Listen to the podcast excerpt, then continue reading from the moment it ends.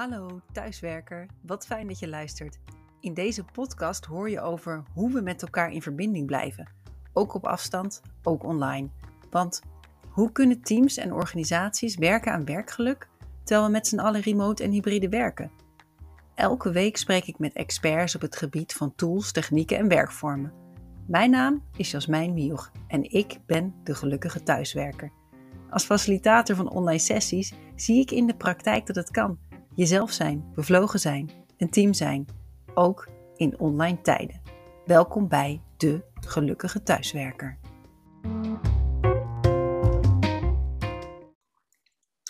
...3,95 miljard jaar. Zo lang bestaat het leven op onze aarde volgens de laatste wetenschappelijke inzichten. Leven op een aardbol die steeds verandert. Leven is het voorbeeld van wendbaarheid en flexibiliteit. Daar kunnen we als moderne mens en organisatie veel van leren, zegt Erik de Blok. Hij is zooloog en organisatieadviseur en gebruikt de best practices van de natuur om organisaties wendbaarder te maken. Hallo Erik, welkom. Hallo. Hi, en wat fijn dat je er bent. De afgelopen twee jaar moesten wij met z'n allen heel flexibel zijn, van eh, kantoor naar huis en alles er weer tussenin. Jij bent zooloog, uh, organisatieadviseur. Ik kan me voorstellen dat je veel onderweg was in je werk voor COVID-19. Wat betekent die wendbaarheid voor jou? Wat mij opvalt van mensen is dat ze ongelooflijk wendbaar zijn. Dus in tegenstelling tot wat je vaak hoort, uh, zijn wij eigenlijk meesters in wendbaarheid. Maar dan gaat het vaak over onbewust wendbaarheid. Dus uh, het feit dat wij uh, met z'n allen binnen twee weken aan het zoomen waren of aan het Teams of wat voor programma we ook gebruikten, uh, dat was echt razendsnel geregeld. Iets wat voor die tijd eigenlijk voor onmogelijk geacht werd. Uh, vele organisaties en branches hadden geprobeerd om thuiswerk te organiseren, maar dat bleek allemaal moeilijk, lastig. En toen uh, de pandemie uitbrak, nou, binnen twee, drie weken zat iedereen achter zijn scherm. Ja, en zaten we met z'n allen heel wendbaar uh, te werken bij Zoom. Wat, ja, dat is wendbaarder dan we van tevoren eigenlijk zelf dachten. Ja. Hoe zie je dat terug in de natuur? Want het is jouw, jouw werk en jouw passie, heb ik begrepen, om, om alle dingen die je terugziet in de natuur te koppelen aan dingen waar wij als mensen en als organisaties ook weer van kunnen leren. Wat, wat betekent die situatie die wij toen hebben gezien, van op kantoor naar thuiswerken en dat al heel flexibel eigenlijk aanpakken? Hoe, hoe kan je dat terugzien in de natuur? Uh, dat, dat zie je eigenlijk elke dag uh, en overal. Uh, het feit dat er nu alweer planten zijn die hun blaadjes ehm, al laten, naar buiten laten komen, geeft ook aan dat ze ontzettend oog hebben voor de context om hun heen. En als de temperatuur en de daglengte goed is, dan is het tijd om die blaadjes te laten zien. Dus zij zijn veel meer gericht op de context dan velen van ons dat zijn. Ja, waar je eigenlijk, ja, waar je eigenlijk op doelt is, het is nu um, februari, eind februari, en we zien overal al knopjes. En terwijl het nog helemaal niet lente is in feite. Ja. Ja. En wat kunnen wij mensen en organisaties, mensen binnen organisaties, wat kunnen wij leren van de wendbaarheid die de natuur steeds uh, laat zien? En hoe, hoe doe jij dat? Want je hebt ook programma's voor organisaties. Hoe pak jij dat aan? Hoe laat jij dat, dat zien? Nou, wat ik wel grappig vind is dat uh, als mensen uh, hebben wij de neiging om heel lineair te denken. Dus wij, wij kiezen vaak één standpunt en, en zetten dat af tegen het ander. Terwijl ik van mening ben dat in de natuur eigenlijk altijd uh, meerdere krachten tegelijkertijd spelen. En um, dus aan de ene kant zijn wij als mensen heel wendbaar, waar ik het net over had. En aan de andere kant uh, tegelijkertijd, en dan gaat het met name over het onbewust wendbaar zijn. Uh, en aan de andere kant, tegelijkertijd, uh, zijn we ook uh, juist niet wendbaar. En dan gaat het vaak over uh, bewuste verandering. En, en wat wij vaak doen is dus aan de ene kant zie je uh, veranderingen ontstaan vanzelf, vanuit zelforganisatie. En aan de andere kant zijn er altijd mensen die bedenken wat we als organisatie zouden moeten. Dus dat wordt een bewuste verandering. En daar zijn wij weer, uh, daar gaan we vaak heel moeizaam mee om. En dan heb je het over mensen die dit voor ons verzinnen, voor mensen, voor organisaties zoals bijvoorbeeld beleidsmakers en bestuurders. Ja. En hoe uh, zou, ja? nou ja, ik, ja, dat klopt. Uh, iemand heeft ooit, ik vind het een briljant zinnetje, uh, gezegd dat wat mensen bedenken werkt van nature niet. Um, en, en dat gaat, laat eigenlijk heel mooi zien dat een van onze uh, vaardigheden die ons mensen heel succesvol maakt, is enerzijds ons voorstellingsvermogen van de toekomst. En daarmee ons te kunnen voorstellen wat er zou kunnen zijn. Maar daarmee plakken wij dat vaak over de werkelijkheid en trekken andere mensen daarin mee. En dat is weer vaak hoe het niet werkt. Dus daarom vind ik dat zinnetje ook zo mooi. Dat wat mensen bedenken werkt van nature niet. En kun je, kun je daar een concreet voorbeeld van geven? Want ik kan me voorstellen, het is een mooie one-liner. Wat wij mensen bedenken, dat werkt niet uh, van nature. Hoe, hoe zie je dat in de praktijk? Nou, wat ik heel vaak zie is dat, dat mensen, ik noem maar even iets, een, een cultuur of een strategietraject bedenken. En daar een plan van aanpak voor maken. Uh, dat uitzetten in de tijd. En in de regel loopt het altijd anders. Ja, ja ik doe, het doet me een beetje denken aan als je het hebt over organisatieontwikkeling, strategieën. Dan heb je verschillende methodieken binnen de organisatieadvieswereld. Jij bent daar waarschijnlijk meer in thuis uh, dan ik zelf. Maar je hebt aan de ene kant die watervalmethode. Je bedenkt een plan en van daaruit gaan we stap voor stap in de tijd plannen wat we gaan doen. Aan de andere kant heb je ook Lean, Agile en alle andere meer Scrum-achtige methodieken. Um, trouwens wel grappig dat dat waterval, ken je dat model? Zeker. Zeker, ja. Waarschijnlijk veel beter dan ik, inderdaad. Waterval is natuurlijk ook iets uit de natuur. Ja. Dus, niet, ja. dus wat ik wil zeggen is, um, hoe, hoe kunnen we daarmee omgaan met die wendbaarheid en dat wat we van tevoren bedenken, dus dat watervalmodel versus die agile? Hoe zou je daar als organisatieadviseur en zooloog betekenis aan geven? Nou, jij noemt nu zeg maar twee varianten van hoe, we, hoe wij mensen zeg maar dingen bedenken. Uh, tegelijkertijd, naast die twee dingen die jij nu net noemt, is er altijd een derde uh, variant die ook speelt. Namelijk dat wat er al aan het gebeuren is. Dus zonder dat wij het bedenken, gebeurt er eigenlijk altijd al iets in de organisaties. En um, naast dat zinnetje zeg maar van uh, dat wat mensen bedenken werkt van nature niet, uh, hoort nog een tweede zinnetje, namelijk als de werkelijkheid niet werkt zoals wij het bedacht hebben, uh, verwerpen velen de werkelijkheid. Oh, ja. En, ja? en eigenlijk is die werkelijkheid wat er altijd al gebeurt. En het is juist de kunst om goed te observeren wat er al gaande is. Ja, en hoe zouden wij dat dan kunnen aanpakken? De werkelijkheid verandert, oké, okay, begrijp ik. De wereld is anders, de wereld is veranderlijker dan ooit, lijkt het wel soms. Wat kunnen wij dan doen door niet als eerste instantie proberen die werkelijkheid te verwerpen? Wat zouden we dan kunnen doen? Uh, weer leren kijken. Uh, ik, ik, laat uh, regelmatig zeg maar, tijdens lezingen plaatjes zien van ehm, waarin mensen zeg maar, geconfronteerd worden met het feit dat aannames zijn veronderstellingen, die wij allemaal hebben, die, die kleuren wat wij zien.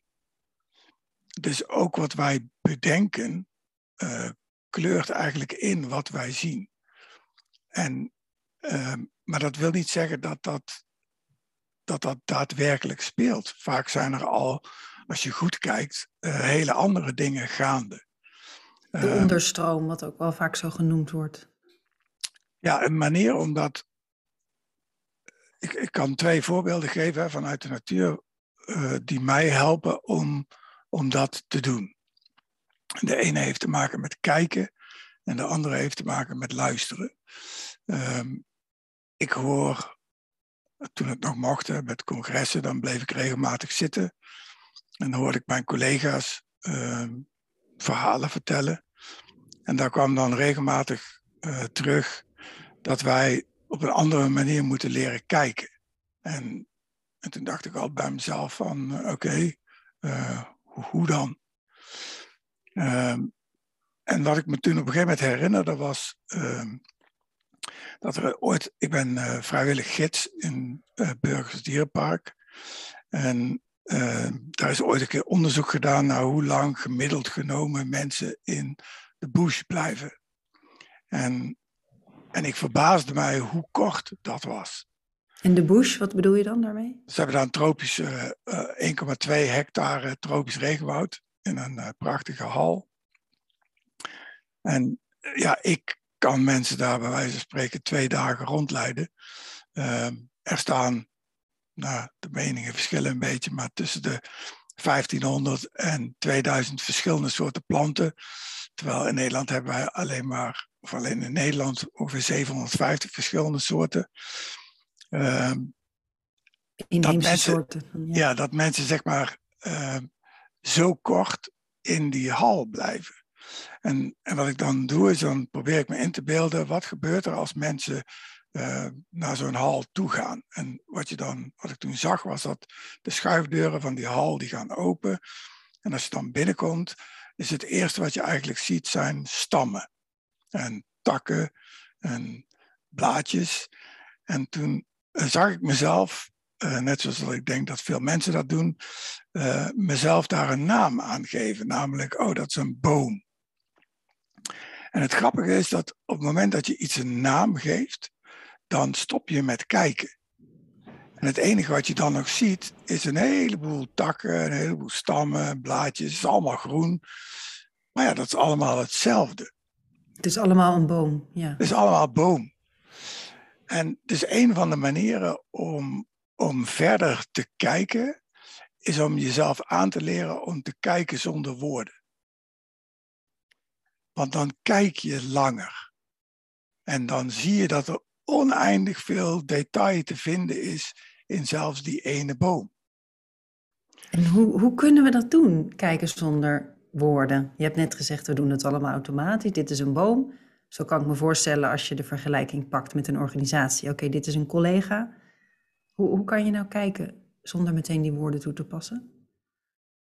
Ik denk dat dat als je het hebt over wat is mindfulness, dan gaat het over uh, dit soort dingen.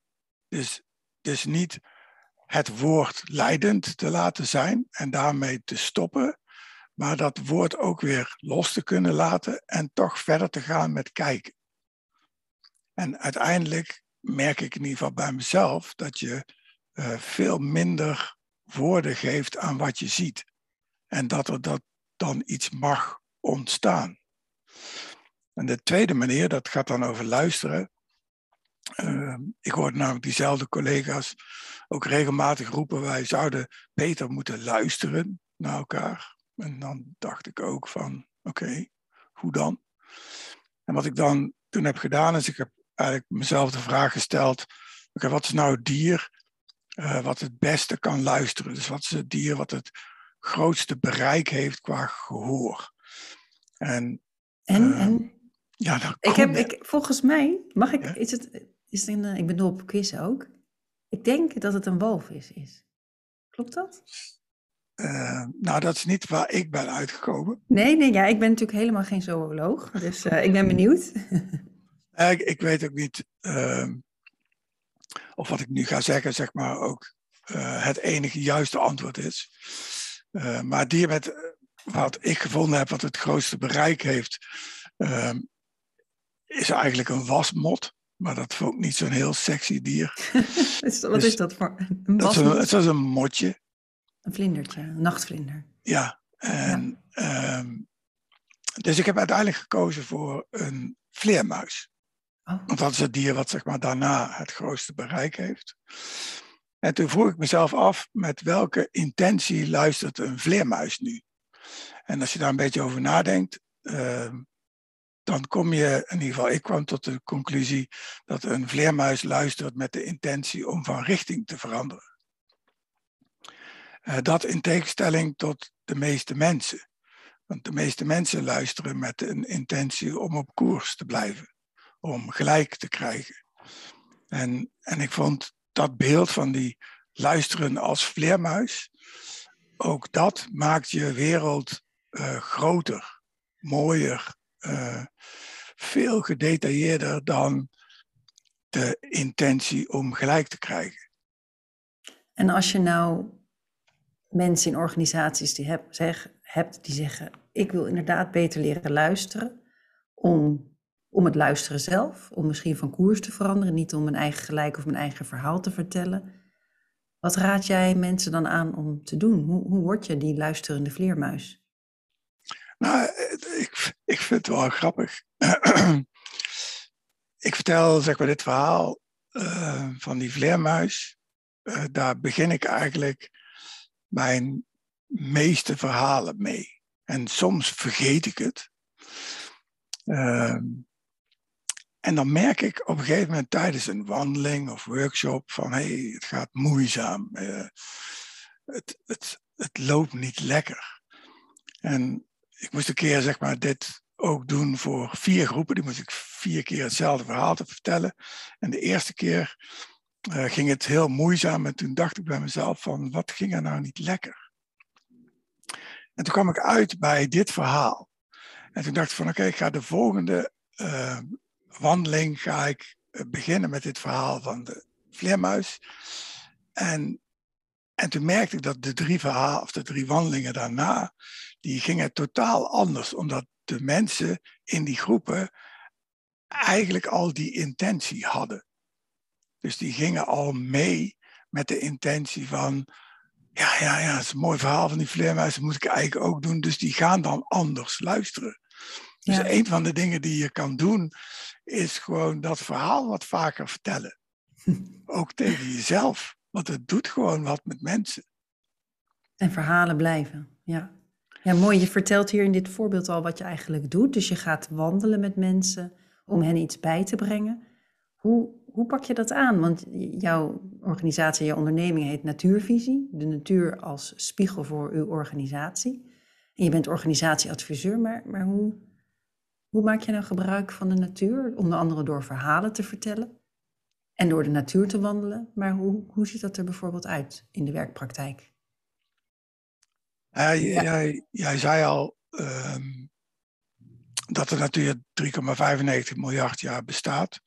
En in de uh, jaren dat ik hiermee bezig ben, ben ik er steeds meer achter gekomen dat eigenlijk alles wat in de organisatie speelt, speelt ook in de natuur. Uh, behalve geld. Um, dus of het nou gaat over leiderschap, of over communicatie, of over samenwerken, cultuur, wendbaarheid, innoveren. Uh, het maakt niet uit uh, zingeving, het maakt niet uit welk onderwerp. Daar zijn werkende voorbeelden van te vinden in de natuur. En, en dat is wat ik bij dat soort vragen steeds doe. Ehm, daarnaast vind ik het heel leuk ja, sommige mensen zullen het raar vinden, maar vind ik het heel leuk om managementboeken te lezen. Um, dat is ook een hobby van mij hoor. Oh. Helemaal niet raar. Die, um, en die zijn vaak, vooral de Amerikaanse boeken, die zijn vaak terug te brengen tot zeg maar één A4'tje, sommige boeken zelfs tot één zin. En, en wat ik dan vervolgens doe, is ik ga kijken of de strategie of het idee van dat boek, of dat ook voorkomt in de natuur. En de meeste uh, goede boeken, tenminste degene die ik goed vind, um, daarvan kan ik eigenlijk altijd wel voorbeelden vinden in de natuur van hé, hey, die strategie werkt daar ook op die manier. Um, ik ben inmiddels al zover dat, dat ik denk dat als, het, als de strategie of de theorie niet voorkomt in de natuur, dan is het geen goed idee. Heb jij hier een voorbeeld van wat zijn jouw favoriete managementboeken en als je dan toch de, namen van de titels en de auteurs hebt, welk principe uit de natuur past daar dan bij? Heb je dat zo paraat of overval ik je misschien een beetje? Uh, nee, nee, een voorbeeld wat ik, wat ik regelmatig wel gebruik. Het is al wel weer een boek van uh, enige tijd geleden. Uh, maar het was toen een heel succesvol boek. Uh, was Start With Why met, van The Golden Circle van Simon Sinek. Ja, klassieker. Zeker. En, en toen dacht ik bij mezelf van, um, komt dat idee um, eigenlijk ook terug in de natuur? En, en je zou kunnen denken dat, um, kunnen voorstellen dat die golden circle, uh, stel dat is een appel. Uh, een appel, zeg maar aan de buitenkant, uh, vertelt eigenlijk wat het is. Uh, het vruchtvlees wat daar binnen zit, uh, vertelt eigenlijk hoe het werkt. En de zaadjes die er binnenin zitten, dat gaat over waarom het zo werkt. En, en het grappige is dat eigenlijk in de natuur ontstaan die ook op die manier. Dus van binnenuit. Dus eerst het waarom? Eerst het zaadje, dan, uh, en dan pas de buitenkant. Ja. En zo en, zouden organisaties, al dus de theorie van de Golden Circle, ook opgebouwd moeten worden. Eerst vanuit de purpose, daar gaat het volgens mij om. Ja, dat, dat geeft het waarom aan. Ja. En, en hoe wil je dat bereiken? En hoe kan je zichtbaar zijn aan de buitenkant, wat het dan ook is? En of je rijp bent of niet. ja, Heb je nog, nog een voorbeeld? Van een managementboek en een voorbeeld uit de natuur? Um, een ander voorbeeld wat ik ook altijd wel, wel goed vond uh, toen ik het las. Um, ik weet niet of je het kent. Uh, is zeg maar de Blauwe Oceaan. Ook alweer een tijd geleden. Um, en dat ging er eigenlijk over dat je zowel uh, kosten zou kunnen besparen als innoveren tegelijkertijd. Terwijl er voorheen altijd werd gedacht van je moet of het een of het ander. Je moet of uh, de nadruk leggen op kostenbesparing of je moet innoveren, maar dan is het wel duurder. Um, terwijl in de natuur zijn er legio voorbeelden, waaronder bijvoorbeeld um, de haaienhuid, um, waarin je kunt zien dat de natuur beide doet, uh, tegelijkertijd. Ja, hoe ziet dat er bij een haai uit? Kosten besparen en innoveren? Uh, een haaienhuid uh, bestaat zeg maar uit tandjes, weliswaar heel klein. En, en die tandjes die, um, die zorgen ervoor dat enerzijds de haai veel sneller zeg maar, door het water kan. Dat is ook wat we hebben afgekeken, of Speedo eigenlijk heeft afgekeken met hun zwempakken, die nu in wedstrijd zwemmen verboden zijn, wat ze te veel voordeel gaven. Uh, maar anderzijds levert het ze heel veel kostenbesparing op, omdat ze met veel minder weerstand door het water heen gaan. Ja, win, dus, daar, dus daar zie je zeg maar, dat beide tegelijkertijd uh, kan. Ja. ja, mooi. Ja, we hebben het nu gehad over wendbaarheid voor organisaties. Een belangrijk onderdeel, onderwerp denk ik in deze tijden. En we hebben het even leiderschap en managementtheorieën aangestipt, kort. Maar ik heb begrepen dat jij zelf ook uh, naast deze onderwerpen vooral bezig bent met het thema natuurlijke zelforganisatie. En voor mij is dat een vrij nieuw begrip. Wat, wat bedoel je daar eigenlijk mee? Ja, we hebben het ook al een beetje um, aangestipt. Um, zelforganisatie is natuurlijk iets wat altijd speelt. Ook als wij niks bedenken, dan, dan gebeuren er dingen. Um, en zelforganisatie is natuurlijk iets wat in de natuur ook gebeurde voordat de mens er was. Eh, dat noemen wij dan evolutie. Uh, en ik vind dat uh, evolutie ook een drijvende kracht is binnen organisaties. En, en het is de kunst dat, te zien en, en B, daarop aan te sluiten. Ja, want hoe zie jij evolutie als drijvende kracht? Ik bedoel, het concept evolutie zal iedereen bekend zijn. Een miljard jaren geleden ontstonden het leven, miljarden jaren geleden. En dat is geëvolueerd volgens de wetten van de natuur. Hoe kunnen wij evolutie dan zien als een belangrijk onderdeel van organisatie? Want die, die link zie ik nog niet helemaal vormen, maar jij hebt er vast goed over nagedacht. Hoe helpt evolutie of hoe werkt dat? Helpt het de organisaties of juist niet? Ehm, nou, laat ik sowieso zeggen, het gebeurt uh, altijd. Uh, dus het, het, is niet te stoppen. Ehm, het is meer de vraag, uh, sluiten wij bij, met onze plannen op aan, dus maken we er gebruik van, of um, verzetten we ons ertegen. Dus moeten we heel veel energie, heel veel macht gebruiken om onze ideeën er toch door te drukken. Hoe, hoe kun je evolutie binnen organisaties identificeren? Hoe weet je wat de evolutionaire beweging is? Heb je daar een voorbeeld van, van dat we het concreet kunnen maken? Um, ik doe even met, met, met twee voorbeelden. Eén uh, vanuit de natuur en één binnen organisaties. Of binnen een organisatie, zeg maar, die, uh, die ik begeleid heb. Um, heel veel mensen denken, net zoals dat jij net ook aangaf, dat evolutie iets is wat heel langzaam gaat. Wat, wat soms miljoenen jaren, misschien zelfs miljarden jaren duurt. Uh, maar dat hoeft um, totaal niet zo te zijn. Dat kan ook heel snel gaan.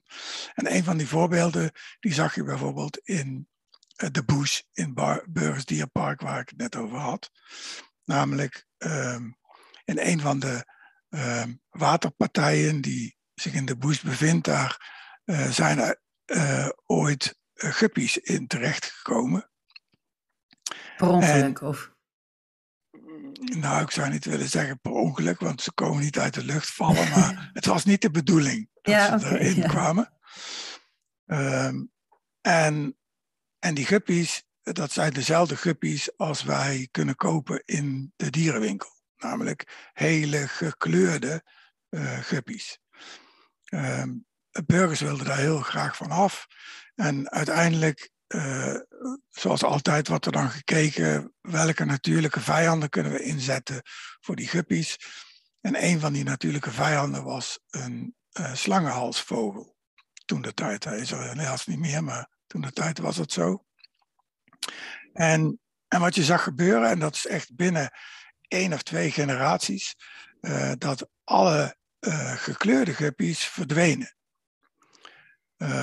want die vielen namelijk het meest op en werden als eerste gegeten door de slangenhalsvogel. En wij hielden alleen maar bruine guppies over. Uh, nou werden er nog steeds uh, gekleurde guppies geboren, maar ook die gingen voordat ze weer jongen kregen, werden ze gevangen, opgegeten. Uh, en daar zie je eigenlijk evolutie in een notendop, maar ook razendsnel. Ja, ja. Nou, zo'nzelfde situatie gebeurde in een, uh, bij een klant van mij, waar, we, waar de directeur zeg maar, ooit bedacht van um, wij zouden als organisatie de klant centraal moeten stellen. Nou, ik dacht toen eigenlijk bij mezelf van uh, raar dat we daar nu zo over hebben, maar oké. Um, en hij had er allerlei ideeën over. En op een gegeven moment vroeg ik aan hem van, maar wat ga jij daar dan aan doen? Want je kan het allemaal wel weer neerleggen bij je medewerkers, maar wat ga jij doen? En toen vroeg hij aan mij van, wat bedoel je? En toen zei ik van, nou, uh, stel dat jij in iedere derde zin dus stel, er staan twee mensen te praten, twee medewerkers van je bedrijf. Die staan te praten en jij sluit daarbij aan. En je vraagt van, oh, waar, waar heb het over? En je neemt jezelf voor dat je binnen drie zinnen laat jij eens vallen van um, wat, wat heeft de klant hier aan? Dus je laat het woord klant vallen. En je doet dat consequent. Dus bij ieder gesprek laat je binnen drie zinnen ongeveer het woord klant vallen. Toen zei ik van, nou, en dan kan ik je uh, vertellen dat wat er gaat gebeuren. Namelijk, binnen twee, drie weken zul je zien dat als jij een ruimte binnenkomt, dat één van die personen die daar staat te praten, die zal uh, het woord klant gaan noemen. Omdat hij namelijk weet dat jij daarover gaat beginnen. En jij hebt een voorbeeldrol. En mensen kijken daarna en handelen daarna. Dus dan zul je zien dat mensen zelf ook het woord klant ineens gaan roepen, want jij komt binnen. En ben je dan vervolgens twee maanden verder, dan hoef jij niet eens meer aanwezig te zijn om dat woord klant te gaan gebruiken. Want dan zit het er zo ingesleten dat mensen dat van nature gaan gebruiken. En, dat, is wat jij bedoelt met evolutie. Ja. Dat, wat een dat, prachtig voorbeeld. Dat gebeurt dan uh, vanzelf in organisaties. En het leuke is, wat de, wat de luisteraars niet kunnen zien, maar ik wel. Jij vertelt het verhaal van die guppies in het water en de evolutie in de organisatie. je zit hier voor me in onze Zoom-call met een oranje sweater en een achtergrond van een soort waterachtige substantie.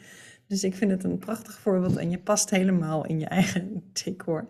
Heel erg waardevol om te horen en ook wel bemoedigend. Want ik denk als meer mensen een vergelijkbaar probleem hebben of een, een aanpak, een vraag, dat ze gewoon maar even dit, deze techniek gaan toepassen. Wie weet wat er dan gebeurt. Dus heel, het, ja, nodigt echt uit. Daar zitten meerdere dingen in. Hè? Van wij hebben vaak de neiging om, uh, net zoals die directeur, om te denken van oké, dat, dat moeten anderen dan doen. Maar onderschatten eigenlijk hoeveel invloed je zelf hebt als je het consequent doet. Ja. Zelf doet. Het voorbeeldfunctie, de evolutie in een notendop. Ontzettend mooi, mooi voorbeeld. En we zijn eigenlijk alweer aan het einde bijna van deze podcast. De podcast heet De Gelukkige Thuiswerker. En ik vond het ontzettend mooi dat je hier kwam om organisaties te helpen nadenken wat wendbaarheid kan betekenen, hoe je daarvoor uit de natuur kunt putten.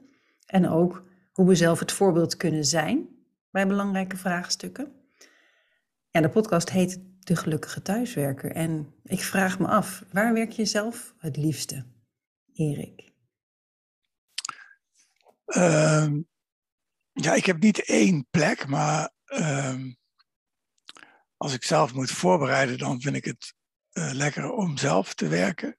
Ehm, als ik samen met mensen werk, dan heeft Burgersdierenpark wel mijn grote voorkeur. Want daar eh, zijn zoveel eco-displays, zoals zij dat noemen. En zoveel voor, ja, echt prachtige voorbeelden vanuit de natuur, waar mensen al die verhalen ook tegelijkertijd kunnen uh, ervaren. Wat doet dat met mensen die jij meeneemt naar de, de Burgers Zoo? Wat, wat, wat gebeurt er dan met hen? Dat is een lastige vraag, hè? want ik, uh, kan niet in de hoofden van mensen kijken. Maar... En wat, wat zie jij? Want, want je hebt misschien ook wel zelf cursussen meegemaakt of gegeven, niet in de natuur. In een zaaltje bijvoorbeeld, of de congressen waar je het net eerder over had. Nou, er zijn. Uh, ik vind het wel mooi dat er steeds meer onderzoek wordt gedaan naar het effect van lopen.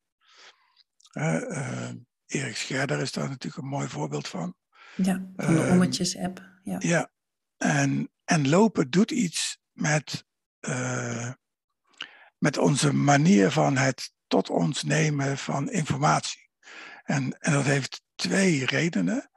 Eén, uh, het, activeert de hersenen al, het lopen.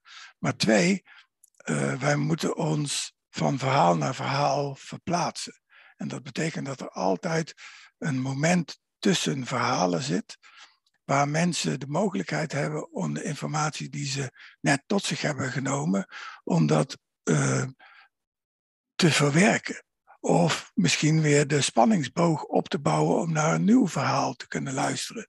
In plaats van als je dat, diezelfde verhalen, als ik die uh, eh, 40 minuten achter elkaar vertel, dan, dan verdrinken mensen vaak in de hoeveelheid informatie die ze hebben gekregen. En al wandelend?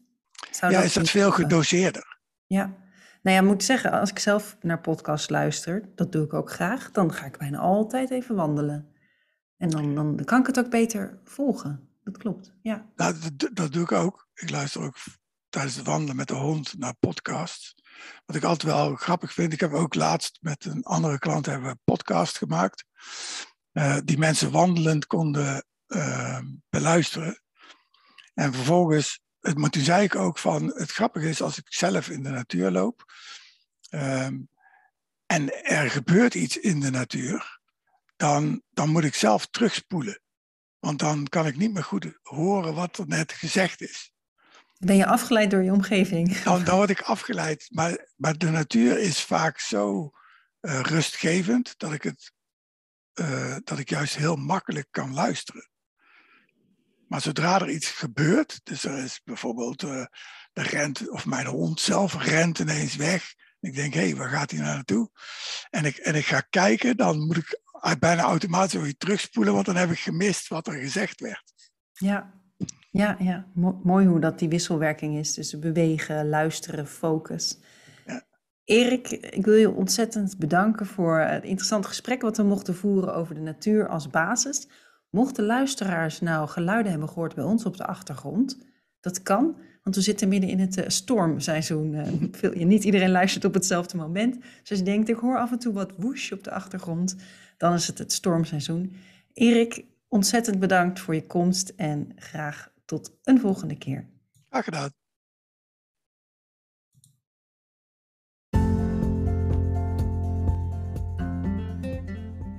Dank je wel voor het luisteren naar De Gelukkige Thuiswerker. Heb jij zelf tools en tips die iedereen moet kennen? Laat het me weten. Of heb je een prachtig praktijkvoorbeeld? Bel me dan gerust. Vond je deze podcast de moeite van het luisteren waard? Laat dan een review achter en deel de podcast in je netwerk of op social media. Veel geluk iedereen!